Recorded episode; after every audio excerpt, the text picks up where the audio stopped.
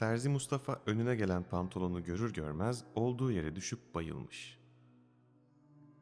Başka bir söylentiye göre yere düşmeden henüz ayaktayken bayılmış ve beden kendini boşa alınca yer çekimi etkisiyle düşmüş. Düştüğü yerin olduğu yer olduğu ise kesin bilgi. Terzinin başına gelen bu küçük felaketi ilk fark eden, o sırada vitrinin önünden geçerken içeride baygın yatmakta olan terziyi cam şeffaf olduğu için dışarıdan gören Bülent Bey olmuş. Ama özünde yardımsever bir insan olan Bülent denen o adam acelesi olduğu için Terzi Mustafa'yı görmezden gelip siktir olup yoluna devam etmiş. Ayı, öküz. Bir sonraki kavşakta tır ezmiş. Acı içinde ölmüş.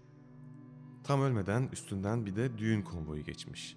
15 dakika daha acı çekmiş, sonra ölmüş. Çırak büyük ama sebepsiz bir neşeyle dükkana girdiğinde ilk fark ettiği yan mahalleden 12 numaranın kızı Derya'nın çiçekli elbisesi olmuş.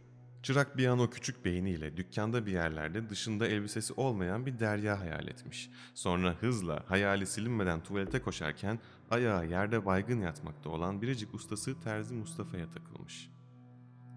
Herhalde uyuyordur diye kısaca ve beyinsizce düşünmüş gibi yaptıktan sonra sessizce tuvalete doğru yolculuğunu tamamlamış.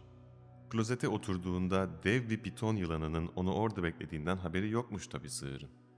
Pitonda durur mu? Bir lokmada çırağı midesine indirmiş.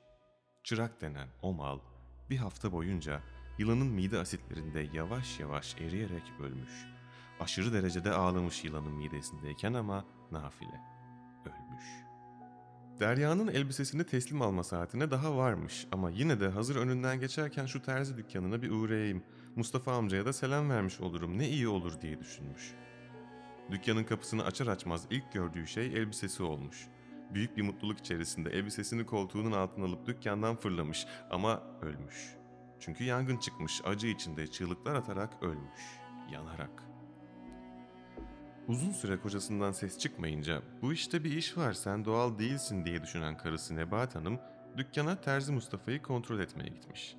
Giderken de içinde bir huzursuzluk varmış çünkü herkes ölüp duruyormuş. Dükkana girdiğinde ilk fark ettiği boş bir askı olmuş. Ha demek Derya gelip elbisesini almış diye düşünmüş.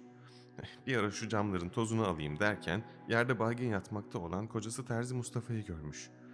Nebahat Hanım kocasının huyunu bildiği için gayet sakin cebinde taşıdığı soğanı çıkarıp dev terzi makasıyla ikiye kesmiş ve Mustafa Efendi'ye koklatmış.